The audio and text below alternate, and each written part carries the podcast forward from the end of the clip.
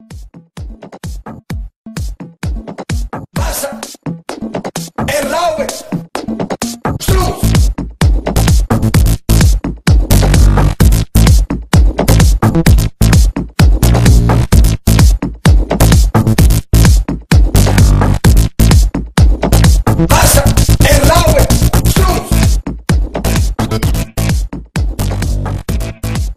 Fjärde veckan, fjärde avsnittet. Bundesliga-podden är tillbaka och eh, vi är eh, alla med idag. Det är jag, Adam Nilsson, som styr och med mig har jag Kate Westlund.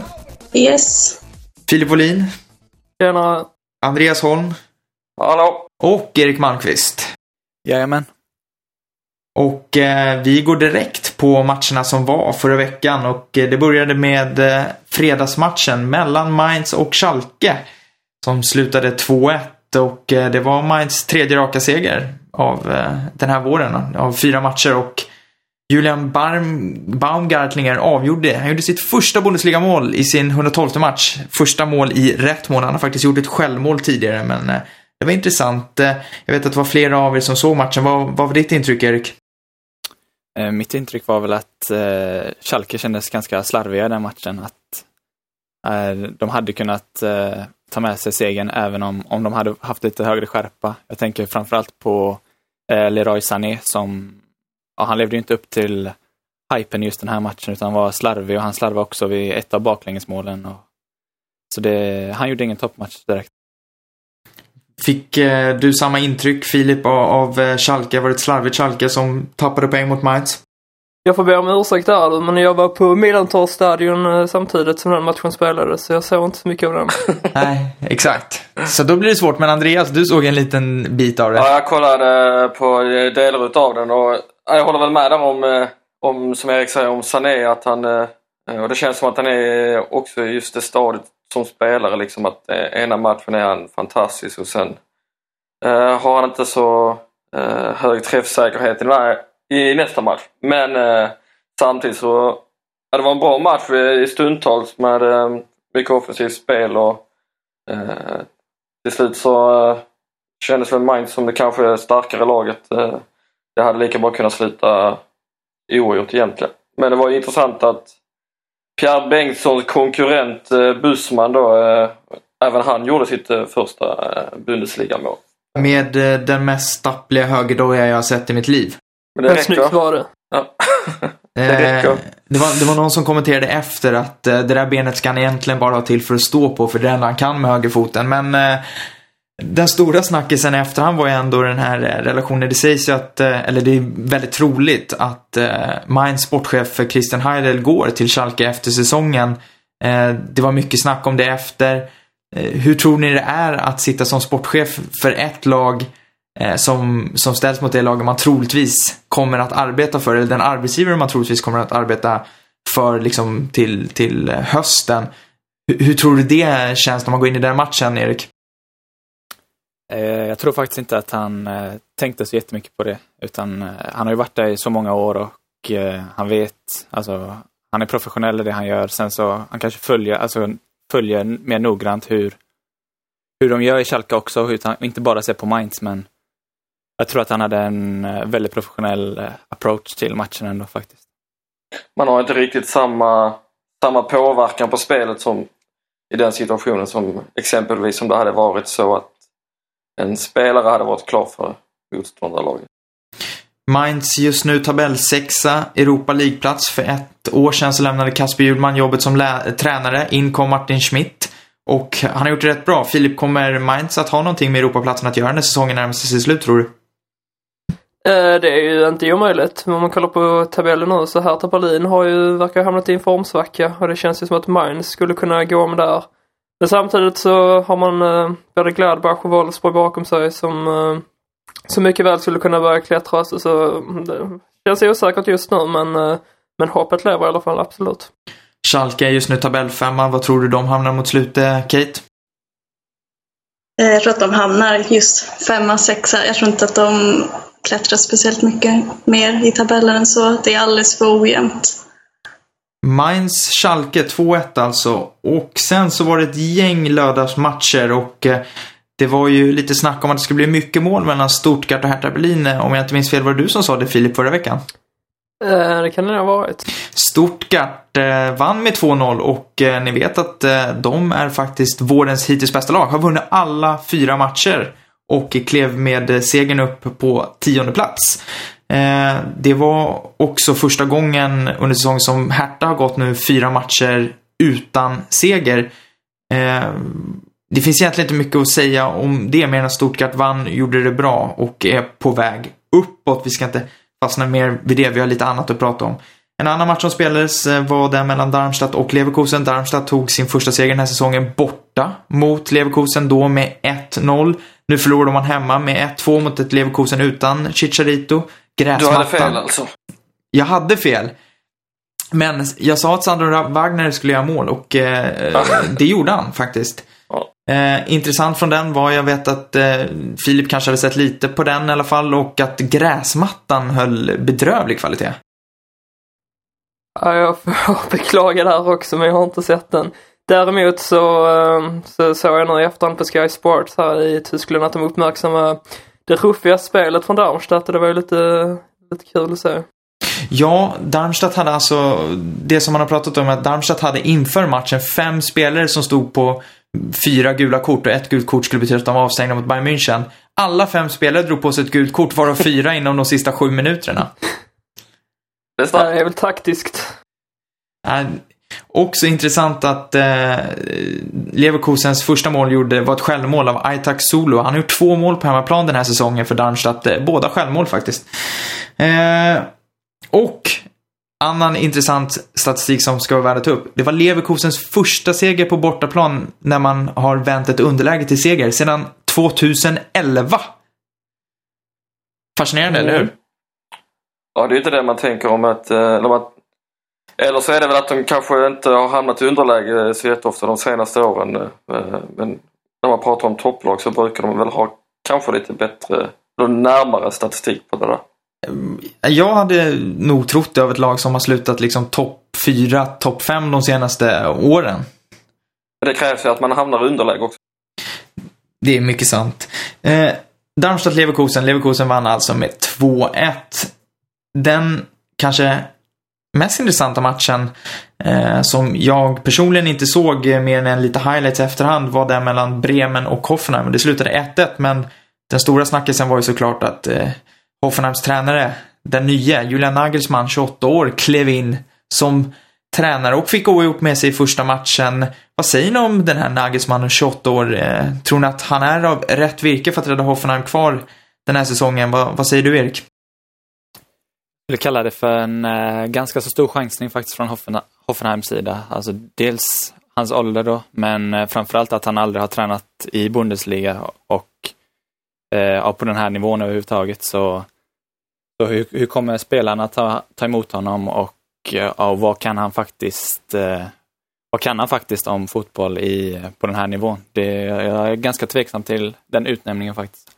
Det känns ju ganska fascinerande, eh, liksom, förutom det att han är 28 år då, att eh, kanske inte riktigt det man förväntar sig av ett lag som Hoffenheim som med hopp i ryggen besitter liksom rejält med pengar för att ta in eh, större namn och kanske inte direkt det första laget man tänker ska eh, ta den här eh, omvägen eller, eller, riskfyllda vägen som det är att eh, låta Nagelsmann eh, eh, prova. Samtidigt så kan Var det inte så att han skulle ta över efter sommaren? Att ja, han ändå precis. var tänkt? Uh. Och samtidigt tänker jag att det kanske är just det att Hoffenheim lite halvt känner att det kan vara svårt att få en tränare som vill ta över i det här läget och eh, eh liksom bidra till, till eh, och försöka hålla dem kvar och sen vet om att det kommer en 28-åring som eh, ska peta undan dem till sommaren. Den är, den är tung att lägga ut på, på arbetsmarknaden. Grattis, du kan komma hit och få jobba i, i, fyra månader. Ditt mål är att rädda kvar ett lag, men det finns absolut ingen möjlighet i en framtid för vi har redan anställt en tränare till nästa säsong. ja, det är svårt.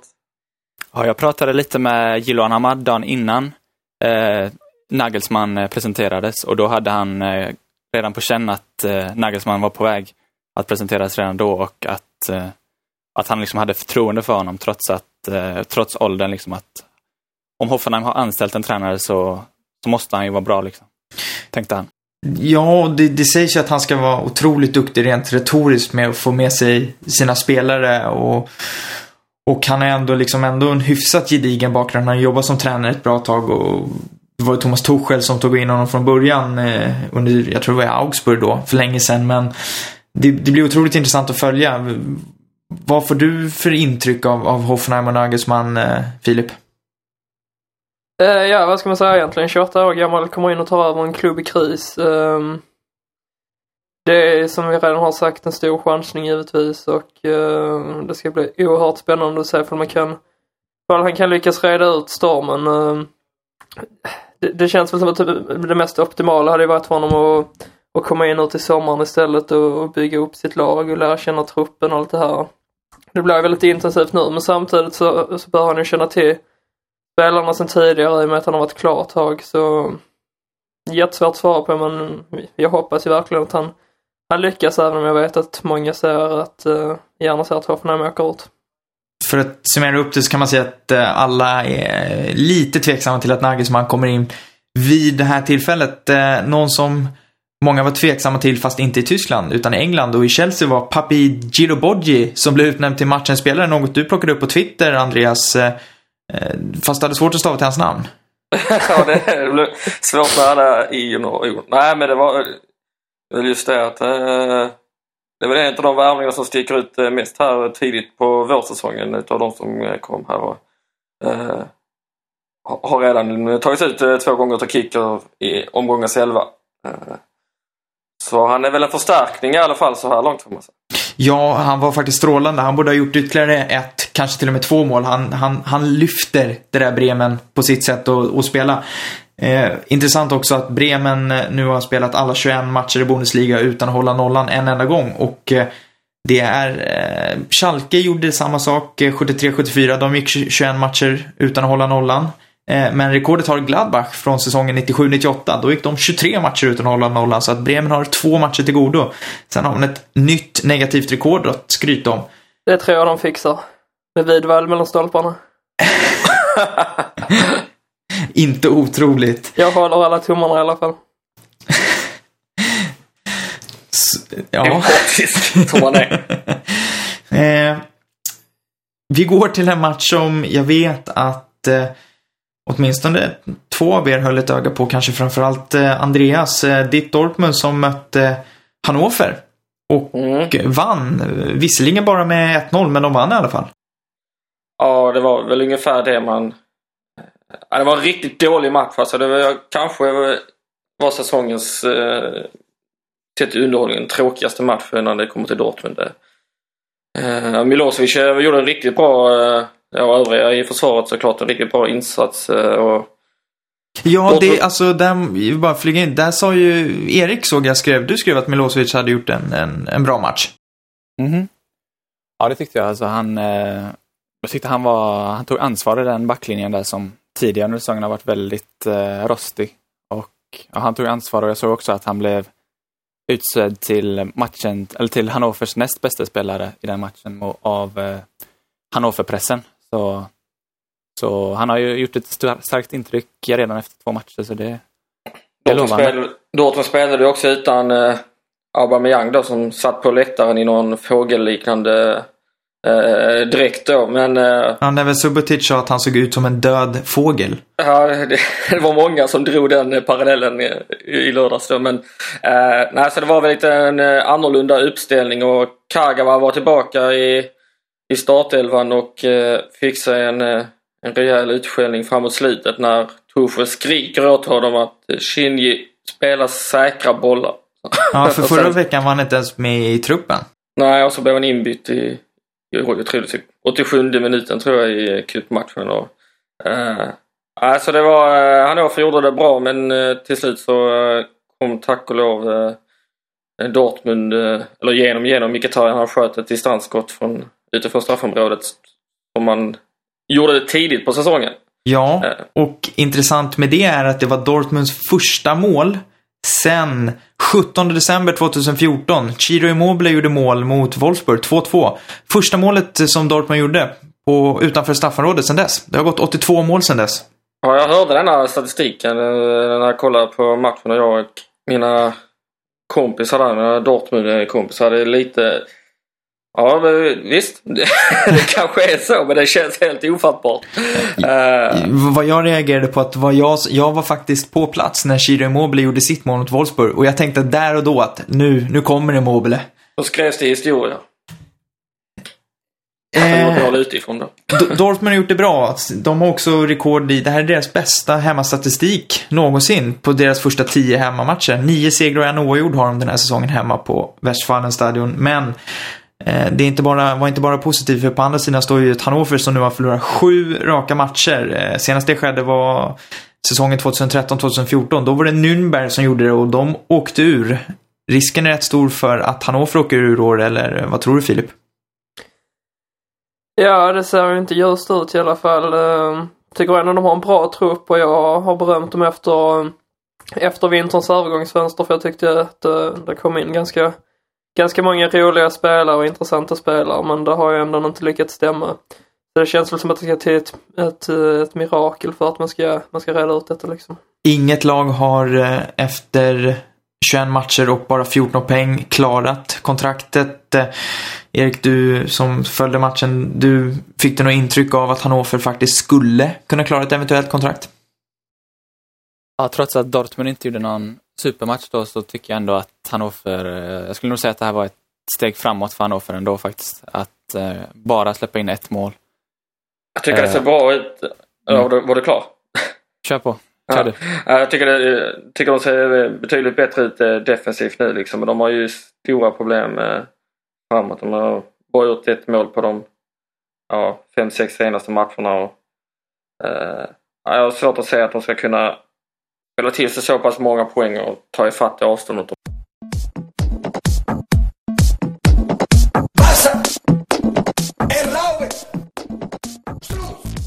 En annan match som eh, spelades på lördagen var ju den mellan Volkswagen-klubbarna. Den ena av Volkswagen bilen så att säga ägd och den andra har ju Audi som huvudsponsor. Eh, Wolfsburg Ingolstadt, eh, Wolfsburg som har haft stora bekymmer under säsonger och de gick och vann med 2-0. Det var deras första seger sedan den 21 november och eh, man slog dessutom ett rekord. Nu har man gått 41 raka hemmamatcher och eh, gått eh, därifrån med åtminstone ett mål gjort. Wolfsburg, Kate, är de på väg uppåt i tabellen eller är det ett mellanår? Kommer de missa Europa tror du? Eh, det vet jag inte, men det var nog skönt att de vann. Då har de i alla fall lite häng på eh, gängen eh, ovanför, ovanför och nu är de ju bara två poäng från Gladbach och ja, de, jo, de klarar sig. De kommer nog ta någon Europaplats. Men jag tror inte att de når Champions League dock, men Europaplats det kirrar de. Ingolstadt eh, inleder den här säsongen med, med tre raka segrar. Första Bundesliga nu kom det någonsin att vinna tre raka bortamatcher. Sina inledande tre raka bortamatcher ska jag säga. Nu har de gått fem bortamatcher utan att göra mål, vilket eh, endast, eh, jag tror det var Karlsruhe som gjorde senast de gick sex matcher på bortaplan utan att göra mål. Ingolstadt, vart, vart har vi dem, Erik? Vi har dem eh, nog inte så mycket högre än vad de ligger nu. Alltså de, de kommer ju sjunka snarare än eh, eh, komma högre upp i tabellen skulle jag säga. Att, eh, och det är väl inget ovanligt heller med en nykomling och så länge de klarar kontraktet så är det jättepositivt för dem. Den sista matchen som spelades på lördagen, det var 18.30 matchen och eh, ja, Erik, du höll ju ton alldeles nyss, men det är väl klart att du ska prata om den. Köln, ditt Köln mötte Frankfurt och eh, det började inte jättebra. Nej, det började väl precis som senast eh, lagen möttes när Alexander Mayer gjorde mål känslan var väl att oh, en gång till, ännu en repris på, på Alexander Meyer show, men eh, nej, så blev det ju inte, utan Köln eh, bevisade att de kunde komma tillbaka från eh, ett tufft eh, underläge som det ändå var, kanske mentalt då. Eh, och jag tyckte de var det klart bättre laget i den matchen faktiskt och ja, vann med 3-1. Kan man säga att det faktiskt var deras bästa insats hittills av de fyra matcher som har spelats under våren? Mm, ja, jo det skulle man nog kunna säga. Jag tyckte de var starka också mot eh, Hamburg på bortaplan veckan innan, men eh, det här var ännu ett steg i rätt riktning så att säga. Vad som imponerar på mig med Hamburg är att de har ju ett, alltså de har ju mycket sparkapital och många talanger i Timo Horn i mål som många känner till. Eh, men Janne Gerhardt var den som imponerade på mig i den här matchen. Mm, ja, han var verkligen, verkligen vass. trots att han fick eh, byta position där efter att Simon Zoller blev skadad och Mattias Lehmann fick hoppa in på centrala mittfältet och... Och Lehmann fick- missade ett eh, superläge. Mm. Ja, men han är väl inte den hetaste målskytten i Köln direkt om man säger så. Vi pratade lite om att Modest gjorde ett snyggt mål eh, nyligen. Nu är han uppe i tio stycken. Andreas eh, Anthony Modest har verkligen eh, hittat rätt i Köln. Ja, det får man säga. Tyckte jag han eh, visade framfötterna stundtals även i, i Hoffenheim när han kom dit från, från Bordeaux. Men eh, han känns ju som en typisk eh, eh, ja, striker liksom. Med en riktigt bra fot. Köln placerar sig just nu nia, Erik. Vad tror du de hamnar mot slutet av säsongen? Det känns ändå som att de, de kan utmana om Europaplatserna. Mm, jag skulle nog inte gå så långt faktiskt. Nia, det känns ganska stabilt. Det får man säga. Det är trots allt bara andra säsongen nu i Bundesliga. Nykomlingar förra året. Eh, Frankfurt på andra sidan däremot, eh, de har lite mer att oroa sig för. Nu är de på 15 plats. En poäng nedanför så har de Bremen som ligger på kvalplats. Vad händer i Frankfurt egentligen, Filip? Ja, det vill sig väl inte riktigt eh, just nu. Men jag tror inte att det är någon större fara i längden faktiskt. Eh, de har en bred trupp, de har en kompetent tränare och, och fantastiska fans även om inte det påverkar så mycket kanske. Nej, men jag vet inte vad som, eh, vad som inte fungerar riktigt just nu. Eh, Jag kunde tyvärr inte se denna matchen heller. eh, Men, men, men, men jag, jag, som sagt, jag tror de klarar sig kvar faktiskt. De vinner på fredag. som räddar Frankfurt är att de har sämre lag bakom sig. Alltså, jag kan inte se att varken Bremen, Hoffenheim eller Hannover ska klättra något nämnvärt i tabellen. Men är Frankfurt verkligen så dåliga? Nej, det tycker jag inte. Eller är det bara jag som vill att Hushti ska bli kvar liksom? Nej, men så, så dåliga är de väl inte tycker jag. Jag håller med Filip där. Det, Köln, eh, som sagt, vann med 3-1 mot Frankfurt och det var Frankfurts hundrade Bundesliga-förlust efter att de har faktiskt legat ledning med 1-0. Över till söndagens matcher och eh, det var två rätt målrika historier. Det ena var ju svenskmötet mellan Hamburg och Mönchengladbach som Hamburg gick och vann med 3-2 och eh, jag börjar inte med Filip som var på plats utan jag börjar med Kate som höll låda på Twitter. Vad, vad, vad var din känsla kring den matchen? jag tycker det var en väldigt underhållande match, måste jag säga. Det var riktigt rolig att se på. Det var, innehöll det mesta. Och jag blev... Först var jag ganska besviken på HSV. Jag tänkte att vad fan håller de på med? Och gud vad de är dåliga. Och sen så bara visar de att de har förmågan att vända och vinna. Och det trodde man inte om Hamburg för två säsonger sedan. Så att jag blev starkt imponerad. Fast, visst tänkte du tänkte Filip att det här blir precis som tidigare när fyra Hamburgspelare kommer fri med Jan Sommer och spelar bort bollen? Ja, Alltså den situationen, jag visste inte vad jag skulle ta vägen. Um, då hade ju precis Gladbach gjort 1-0 och det kändes som att Hamburg blev det bättre laget efter målet. Alltså, det var precis som att målet gjorde dem gott. Och, eh, och så får man det i läget och, och lyckas inte förvalta det och det kändes liksom bara som att nu, nu är det en sån här match liksom som man kommer torska med kanske 3-0 eller något sånt här. Och ändå ha många lägen. Men eh, det är ett nytt Hamburg vi ser den här säsongen, eller hur Erik?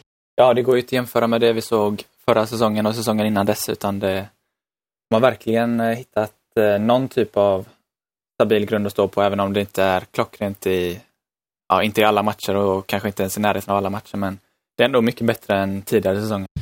Rudnevs får spela från start och gör mål direkt. Vad handlar det här om, Filip? Vad det handlar om, ja, det är väl typiskt HSV sa jag då. Eh, jag tror att vi tog upp det någon på ett tidigare. Jag tror det var förra veckan vi pratade om det. Kan ju stämma. Som eh, uh, Gojko Katja och, och Elisevic då som, som också tidigare varit oönskade och sen kom, lyckats komma tillbaka och blivit, uh, blivit stora hjältar. Det är samma sak med Rudnjevs. Uh, eh, och innan matchen var det lite kul skrev jag på Twitter att, och då var ju bänkad och då skrev jag just att det kan ju vara vara det som avgör matchen men då tänkte jag mest på att han skulle komma in, vara lite frustrerad och kunna stänka dit ett mål men eh, uh, då blev det Selatrunjev som uh, eh, tog vara på sin chans från start. Hamburg gjorde någonting man inte har sett på länge, det vill säga visa styrka och vända matcher och vinna mot ett topplag. Mönchengladbach däremot eh, visade att den här formen som slog i förra veckan när man slog Bremen enkelt, den håller inte riktigt i sig. torsk mot Hamburg, det är inte så att man tänker att Mönchengladbach är det där topplaget som de kanske har varit, ja, framförallt förra säsongen, eller hur Andreas? Uh, nej, de känns inte alls lika uh, stabila som de gjorde ett tag efter uh, Schubert. Uh, en trenden har lagt sig lite, den där effekten. Och vi hyllade ju alla Martin Hinteregger här också när han kom in efter, efter transferfönstret. Och så presenterade han sig med att göra självmål i sin tredje eller fjärde match. Så. Jag tror de känns ju definitivt som ett Europalag liksom, men de bara känns väldigt instabila för tillfället. Erik, eh, vad säger du kring Gladbachs, in, Gladbachs insats? Ja, nej, det var inte, det var ingen toppmatch av dem heller den här veckan, så jag tror ändå att de kommer ha att göra med Champions League-platserna till slut. De har just nu en poäng upp till Europaplats och tre poäng upp till Hertha Berlin som har den sista Champions League-platsen på fjärde plats. Eh, det skedde faktiskt en historisk sak eh, i matchen. Vet ni, vet ni vad som hände? Eller vad jag tänker på? Att Hamburg vann eller? Nej. Nej, men det har med liksom själva med Hamburg att göra. Någon som kan ana vad jag... Nej, det enda jag vet var att det var Kevin Keegans födelsedag, men... eh, Ja, han Johan får- fyller 75 eller något sånt där tror jag. 65, men eh, jag tror inte det är det du syftar på jag har ju bara gjort det en gång. Nej, det, det var faktiskt inte det. Men det andra målet, eh, 2-1 målet, så var René Adler eh, assistgörare. Ah, till målet och eh, under hösten så blev eh, den andra målvakten i HSV, Drobny, assist, gjorde en assist och det är första gången sen de började samla in data i Bundesliga som eh, två målvakter i samma lag gör assist under en och samma säsong. Ja, det är ju starkt. och båda kom mot Gladbach faktiskt. Det är så pass? Ja, för det kommer jag ihåg nu. Det var Müller. Det var faktiskt det första, första kontringsmålet också på hur länge som helst som, eh, som Hamburg gjorde med Nikolaj Müller på bortaplan där. Det blev både. Hamburg och Mönchengladbach historiska här i samma. Precis. Hamburg vann med 3-2 mot Mönchengladbach och visar upp en styrka som vi inte har sett på länge i den nordtyska staden. Helgen avslutades med Bayern-derbyt mellan Augsburg och Bayern München och Robert Lewandowski bara fortsätter att imponera, eller hur Kate? Japp, det gör han. Han är riktigt bra och väldigt viktig för Bayern just nu. Sex eh, mål, eh, de sex första målen Bayern gjorde under våren eh, signerade Lewandowski, det sjunde Thomas Müller. Bayern gjorde sin kanske bästa match hittills sen vintervilan tagit slut. Ja, det tycker jag absolut. Otroligt stabil, måste jag säga. Det trodde jag aldrig inför matchen med tanke på derby och obefintlig backlinje. Men de visar prov på att de, de kan dem. Eh, backlinjen är värd att nämna. Fyra spelare, ingen som mätte över 180 cm. snittlängd på 174 cm. Eh, det finns eh, många som älskar det och det är vissa som inte tycker det är lika roligt. Men anledningen är ju att Holger Barnstuber återigen gick och skadade sig och nu blir borta i tre månader. Han bröt ankeln som jag har förstått eller vad jag läst mig till. Och ankeln, är det vrist eller? Ja, men det måste det vara. det, Ja. det är på engelska. Ja, det är jag som skriver. Jag tänker exakt. Eh, Holger Barnstove som bröt vristen alltså. Och kan man bryta den? Tydligen. Ja. Alltså, Ingen, ingen anatomilektion det här. Nej, som ni märker så vi är inte supervassa på det. Men han blir i alla fall borta i tre månader och eh, det går inte att komma ifrån att det svider oerhört. För oss och för honom. Alltså, vad säger du Kate? Att sakna en Holger Barnstove, det, det är inte roligt. Nej, och jag lider med honom så in i helvete. Alltså det kan inte vara kul att komma tillbaka efter skada efter skada. Och det är inte liksom att han, ja men likt Benatia som bara joggar lite och blir borta sen. Utan han, det är korsband och det är, ja, men det är ledband, det är allt. Allt bara går av på honom. Jag vet inte riktigt hur han lyckas. Och Kommer det, han ja. någonsin att komma tillbaka? Jag tror faktiskt inte det. Kommer han tillbaks efter det här så är det ju nästan ett kors i taket. Men jag tror att det är... Han får nog börja tänka på, på något annat tyvärr. Vad, vad är det som gör att vi aldrig får se den här fotbollsspelaren på plan, Andreas? Skadorna. Ja, jag menar, Absolut. Nej, men tror du, tror du att Bayern har forcerat fram det här så att det leder till skador? Nej, eller alltså är det jag- så att han är så pass skadebenägen och att det bara förvärras för varje gång han försöker?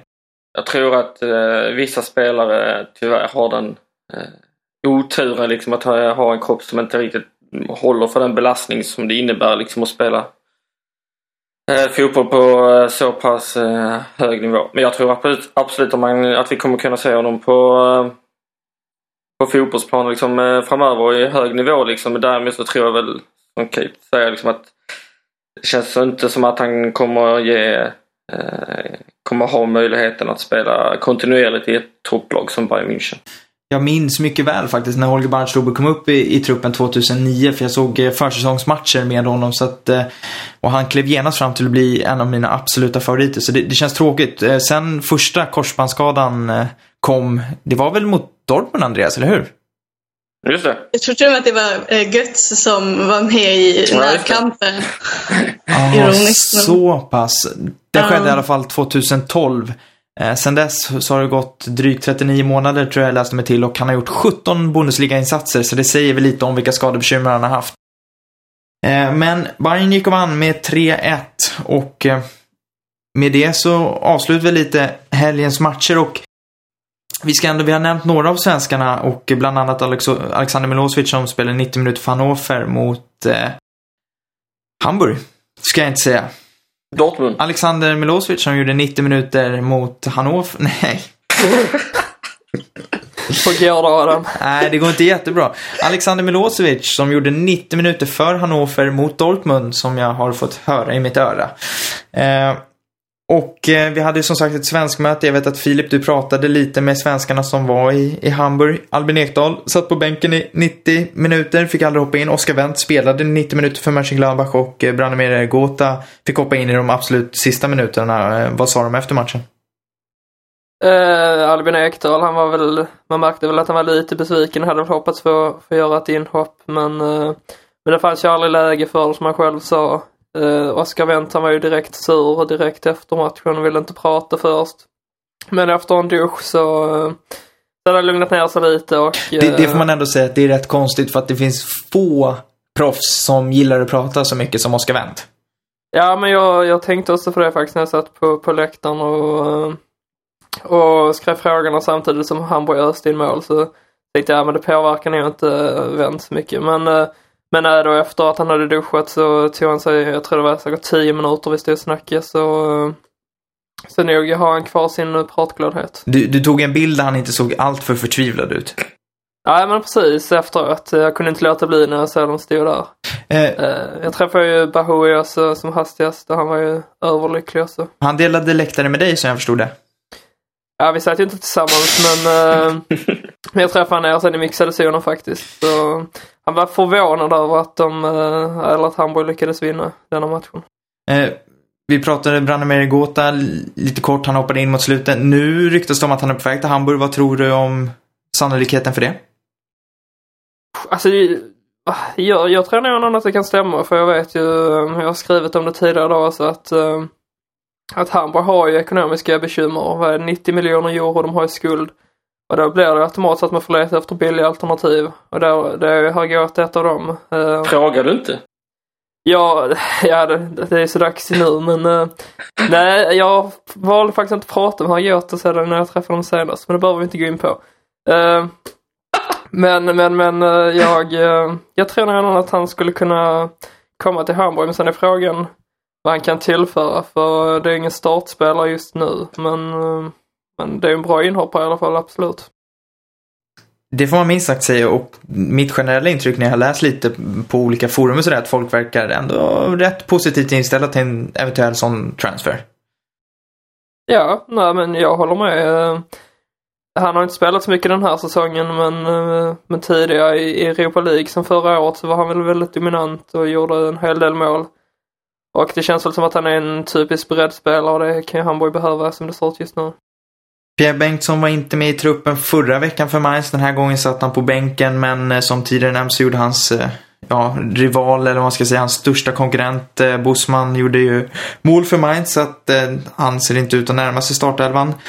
I Zweite Bundesliga spelade Josef Baffo 90 minuter när hans Eintracht, Braun, Eintracht Braunschweig vann med 1-0 mot Bielefeld och en annan som gjorde 90 minuter men som förlorade med 1-0, det var Emil Forsberg. Hans eh, Leipzig mötte St. Pauli.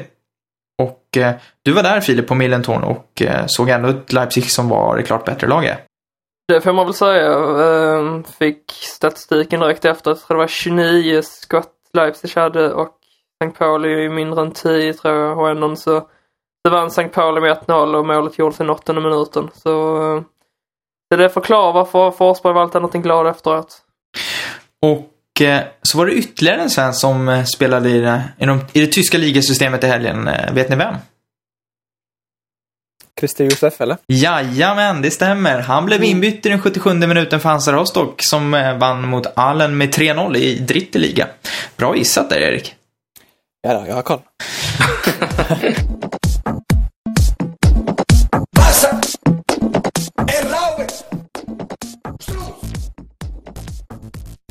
Vi pratade förra veckan om den tyska kuppen och eh, den spelades ju på tisdagen och onsdagen med resultaten att Bremen gick vidare efter att ha vunnit borta mot Leverkusen med 3-1. Något överraskande får man säga. Dortmund vann borta mot Stuttgart med 3-1. Eh, Kevin Grosskreutz fick inte jubla mot sin gamla klubb. Hertha Berlin vidare efter en 3-2-seger mot Heidenheim och eh, Bayern Heidenheim heter Hur uttalas det? Heidenheim. Bra. Du uttalade rätt från början, jag skulle aldrig ha tvekat. Och sen Bayern München gick vidare efter en 3-0-seger mot Bochum och eh, mötena som blev lottade direkt efter var Bayern München mot Bremen och Hertha Berlin mot eh, Dortmund och eh, det känns som att favoriter till att gå vidare åtminstone Bayern München. Ja. Ja. Men i det andra mötet så blir det klart jämnare. Vad känner du kring lottningen Andreas som Dortmund-supporter? Hertha Berlin borta känns ju inte allt för lätt. Nej, det känns som... Ja, men det är billigt. Man behöver bara boka en tur och returresa ju. Eh, stanna över till finalen sen bara. Eh, nej, skämt åsido. Nej, det kändes eh, riktigt... Ja, det fanns ju inte... Den enda enkla lottningen som jag ser det är väl att möta Bremen hemma möjligtvis. Eller kanske borta. Men, eh, jag hade önskat att man hade fått Bayern München. För man, ska man vinna tyska cupen så måste man nog eh, slå just Bayern. Eh, det hade varit gött att kunna göra det i en semifinal i så fall. Annars kan man ju lika bra skita i att spela finalen. Eh, så eh, ja, det blir tufft. Kort omröstning. De som, håller, de som tror att det blir Bayern Dortmund i semifinal, de säger ja just nu. Ja. Ja. De som tror att det blir Bayern Hertha i final säger ja. Fast ja, jag tror att det kan. Jag säger ja på två. Ja, bra. Jag säger också så, för att jinxa det. Hel, superhelgardering från Kate och Andreas gör det bara för att hans Dortmund ska försöka ta sig vidare. Från, Eller så säger jag Bremen Hertha i final kanske. ja, det vore ju något eh, unikt. Den kan, du nog, den kan du nog vinna mycket pengar på faktiskt. Pizarro sänker Bayern tänkte jag så. Där, eh, där, där har man ett textupplägg, om inte annat, för den som vill skriva om det. Vilket jag kommer säkert göra. Först i kvarn sa jag bara. Snor jag, ja, snor jag, jag var först med Ergota idag får jag ändå säga. På Twitter. som fler kommer Ja, ta det den, är sant. ta den vinkeln faktiskt. Från en kupp till, eller en turnering till en annan turnering. I veckan så har vi ju lite Europaspel som äntligen drar igång och eh, bland annat Champions League. Där eh, Wolfsburg går in nu mot eh, Gent på bortaplan på onsdag klockan 20.45 och eh, det är ändå inte helt säkert. Man trodde ändå vid lottningen att Wolfsburg skulle klara av det här rätt enkelt men formen, ja, det är inte så att man eh, är helt övertygad eller vad säger du Erik? Nej, for, formen är inte alls bra på Wolfsburg, även om de nu vann senast. Men eh, ja, det går inte att säga någonting annat än att det var den bästa lottningen som de fick på förhand. Filip, eh, vad tror du? Kommer Wolfsburg åka dit och gå för liksom att eh, ta ett säkert resultat, spela på oavgjort eller blir det liksom, blir det tuta och köra? Eh, alltså jag tror man ska vara väldigt lycklig över att man börjar på bortaplan i detta fallet. Eh, jag tror att matchen nu mot Ingolstadt också var otroligt viktig för lagets, eh, för lagets självförtroende. Och, men det är svårt att svara på. Gent kommer ju vara taggade till tänderna. Det var väl ingen som hade förväntat sig att de skulle ta sig till åttondelsfinal. Eh, så det är jättesvårt att veta. De kommer förmodligen rivstarta matchen så Wolfsburg bör väl göra, göra rätt i att ta det lite försiktigt till att börja med och sen se var vad matchen leder till. Gent eh, chockade får man ändå säga i gruppspelet och imponerade. De slog bland annat ut Lyon eh, och sådär. Eh, vad, vad får du för känslor när du tänker Wolfsburg mot Gent, Andreas? Uh, nej men uh, lite som Filip sa. Uh, Gent känns eh, eh, som att de kommer komma taggade. Jag har noll koll på hur de går i, eh, i sitt eget li ligaspel. Eh, å andra sidan tror jag att Wolfsburg också har haft dem, den här åttondelen i, i huvudet länge och kan också ha smittat av sig på ligaspelet negativt då. Jag tror att över, två, över två matcher kommer då Wolfsburg reda ut detta. Men ja, det blir spännande. Kate, går Wolfsburg vidare? Ja, med nöden öppe. Och eh, det är inte bara Wolfsburg som spelar Europaspel i veckan utan vi har ju ett gäng lag som spelar i Europa League. Fyra stycken för att vara exakt och eh, det finns många intressanta möten men det går inte att komma ifrån att mötet mellan Augsburg och Liverpool och en Klopp som vänder hem till Tyskland är något litet extra, eller hur Andreas? Ursäkta, vad sa du? Lite vadå? Extra. Extra? Ja, jo. Det är ju eh, självklart eh, så eh, Klopp eh, tar med sitt Liverpool till en staden och ett, en motståndare som man garanterat har väldigt bra, bra koll på. och också med mycket press på sig att leverera såklart. Eh, Augsburg som ändå är nya i Europaspelet. vad tror du om deras chanser mot Liverpool, Erik? Jag tror att det blir tufft faktiskt. Liverpool ändå, även om de inte imponerar så jättemycket i sin liga så, så ska de ta Augsburg faktiskt. Hur, hur ska man gå in och tänka i, som Augsburg i det här läget när man börjar hemma, Kate? Är det backa hem, hålla nere siffrorna och hoppas på att man ska kunna slå Liverpool på bortaplan? Eller är det tuta och köra och hoppas på det bästa? Lite som eh, Filip snackade om, som Gent måste göra mot eh, Wolfsburg, det är väl bara att köra. De har ingenting att förlora och det är nog ingen som tror på dem riktigt. Och det får väl vara tala som fördel för dem att de har ingenting att förlora, det är bara att köra liksom. Filip, går Augsburg vidare? Ja men det är väl klart de gör. Nej, det tror jag inte. Tyvärr eh, Ja, nej men jag, jag, tror faktiskt att Augsburg kan skaka om Liverpool lite men jag tror inte det räcker i, i två möten. Men, eh, men nu på hemmaplan så, ja, ett oavgjort resultat tror inte jag är omöjligt. Jag tyckte mig läsa någonstans att Liverpool har ställts mot eh, tyska lag på hemmaplan 15 gånger i Europaspel och eh, aldrig förlorat så att eh, det krävs nog ett bra resultat av Augsburg om man ska se till historien. Det finns eh, tre andra lag som går in i det här och ett av mötena det hade lika gärna kunnat varit en eh, match i Champions League. Dortmund mot Porto och eh, Andreas, ni hade kunnat fått en lite lättare lottning. Uh, ja, precis. Och jag minns när den lottningen var så kände man väl sig ändå uh, ganska bekväm sådär men nu vet jag att Porto de har bytt uh, tränare i vinstfönstret och besegrat Benfica på bortaplan och sådär. Som nu så är man ju ganska förberedd på ett betydligt tuffare motstånd än vad man trodde att det kanske skulle bli. Så det, det kommer att bli tufft och med allra största sannolikhet och väldigt nödvändigt så kommer Aubameyang förhoppningsvis vara tillbaka på, på torsdag. Ingen fördel att börja hemma där inte, eller hur Erik? Nej, nej, man ska alltid börja på bortaplan. Om man får välja. Dortmund mot Porto, alltså ett högst intressant möte och vi kommer självklart att följa hur det går eh, och prata om det nästa vecka. Ett annat eh, möte är ju det mellan Shakhtar och Schalke. Skulle också kunna vara en Champions League-match. Eh, vad tror du om Schalkes chanser där, Filip? De är nog väldigt små faktiskt. Man, man, man vet ju aldrig vad man har Schalke och man vet aldrig vad man har Shakhtar. Lite så känns det ju. Um, men Schalke har ju inte direkt imponerat den senaste tiden och har väl fortfarande enorma försvarsbekymmer. Nu har i och för sig Shakhtar tappat uh, Texera till, uh, i Kina så de har väl blivit något för svaga anfallsmässigt men uh, det lär bli tufft där borta i, uh, i Ukraina.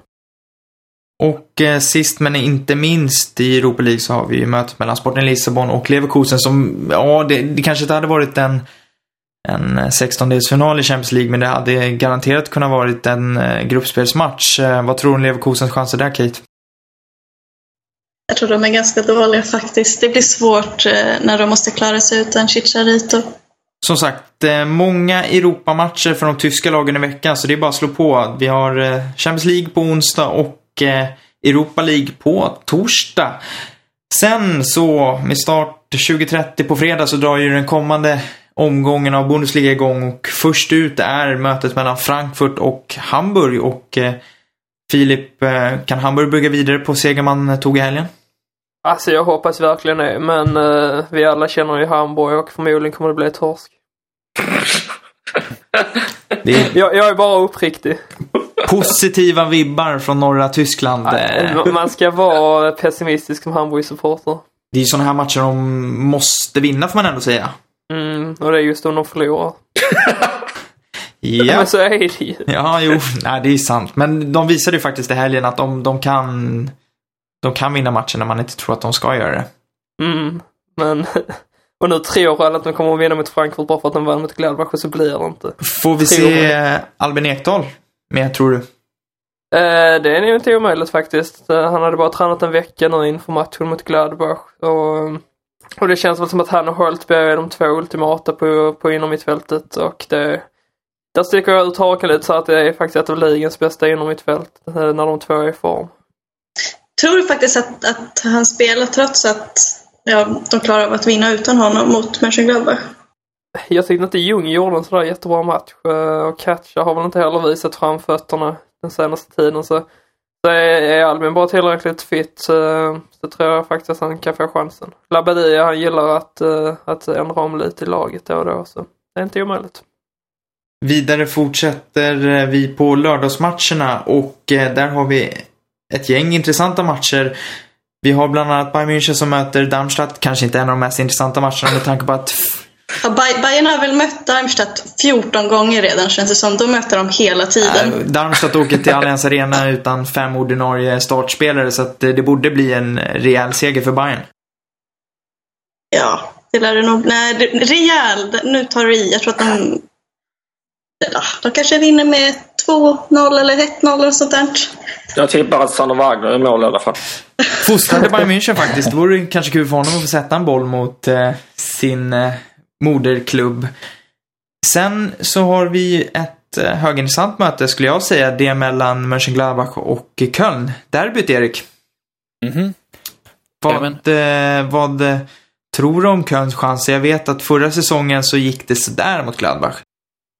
Mm, ja, det, det gick inte alls bra och det var ju skandalscenen precis i slutsignalen där senast på Borussia Park. Ja, eh. man, man har dragit in lite biljetter och sånt där för Köln-supportrar. Det har varit väldigt mycket protester kring det.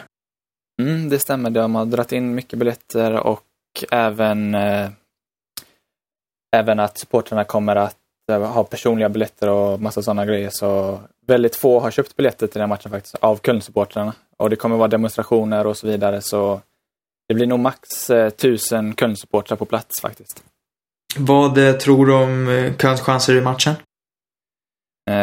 Jag tror att det blir tufft. Det, Köln kommer sakna Risse som är avstängd och Toller som är skadad från matchen från förra helgen. Då. Så, och Gladbach på hemmaplan och de har revansch att utkräva från förra veckan och även från höstens möte då Köln vann. Så jag tror på Gladbach seger där faktiskt. Ett annat intressant möte är det på Olympiastadion mellan Hertha Berlin och eh, Wolfsburg. Vad tror du om den matchen, Andreas? Eh, det är väl två inte direkt eh, topp, eh, toppformular. Jag tror att Hertha kommer att vinna den eh, just med tanke på att Wolfsburg eh, kommer med en Champions League-match i ryggen. Hertha är hemma också och spelar tight så tror det kan bli en målsnål historia faktiskt. Vidare så har vi ju mötet mellan Hoffenheim och Mainz. Julian Nagelsmans eh, debut på hemmaplan som tränare. Vad tror du är det sista halmstrået för Hoffenheim om de ska klara sig kvar, Filip? Ja, det var en jätterolig match jag fick kommentera där. Uh, ja, men Mainz bör väl vinna med tanke på deras uh, fina form så här långt. Uh, Hoffenheim, ja man vet ju inte med Hoffenheim. Nu har de som sagt ny tränare, lite luft under vingarna. Eh, det känns väl, jag tycker det känns som att lyckas de bara få, få en seger så kan det nog ordna upp sig ganska bra. Men uh, det är ju att man ska ta den där segern också mot Mainz. Så lär det bli tufft. Ingolstadt-Bremen är den sista 15.30 matchen på lördag. Det är inte så att man jag vet om, Filip klagar på Hoffenheim Mainz så är inte Ingolstadt-Bremen en mycket roligare match, eller vad säger du Kate? Nej, det är ganska tråkig. Det är bara till att hålla tummarna för att uh, Ingolstadt gör mål så att Bremens fina form håller i sig. ja, det är ju... Det är ju... Alltså det är synd att vi inte har någon som kan försvara Bremen här, tycker jag. Det, det är ju faktiskt viktiga poäng, framförallt för Bremen, om de ska försöka ta sig upp och förbi strecket och Ingolstadt eh, skulle vid en vinst komma upp på 29 poäng och då är man ju rätt nära säkrat kontrakt. Så att det finns ju ändå mycket som står på spel i den matchen. Ja. Ja, ja. jo men... Men ändå, det är Ingolstadt-Bremen. Ingen 18.30 match har vi på lördag, men dock har vi en riktigt bra 15.30 match på söndagen och det är den mellan Leverkusen och Dortmund. Det är något du ser fram emot, eller hur, eller hur Andreas? Ja, det får man ju, får man ju säga. Um, det är ju eh, två lag som kommer anpassade efter portugisiskt motstånd då efter eh, torsdagen då. Uh, känns väl också som ett bra tillfälle att möta Leverkusen som lider lite utav skadeproblem och uh, fick Chicarito bort här som Kate nämnde. Uh, viktig match på, nej det ska jag kanske inte säga egentligen ur poängsynpunkt. Det känns som att Dortmund har så pass långt avstånd ner men uh, det ska bli kul att se Dortmund ställas mot en värdemätare här och se om de kan leverera. Leverkusen har trots allt inte förlorat på de senaste sex matcherna. Nej, precis. Så att eh, det blir väldigt intressant att se. Sen så har vi två matcher på söndag klockan 17.30. Den ena är den mellan Hannover och Augsburg. Är det då det sista halmstrået för Hannover, Erik? Nej, det är lite för tidigt för halmstrån nu skulle jag säga.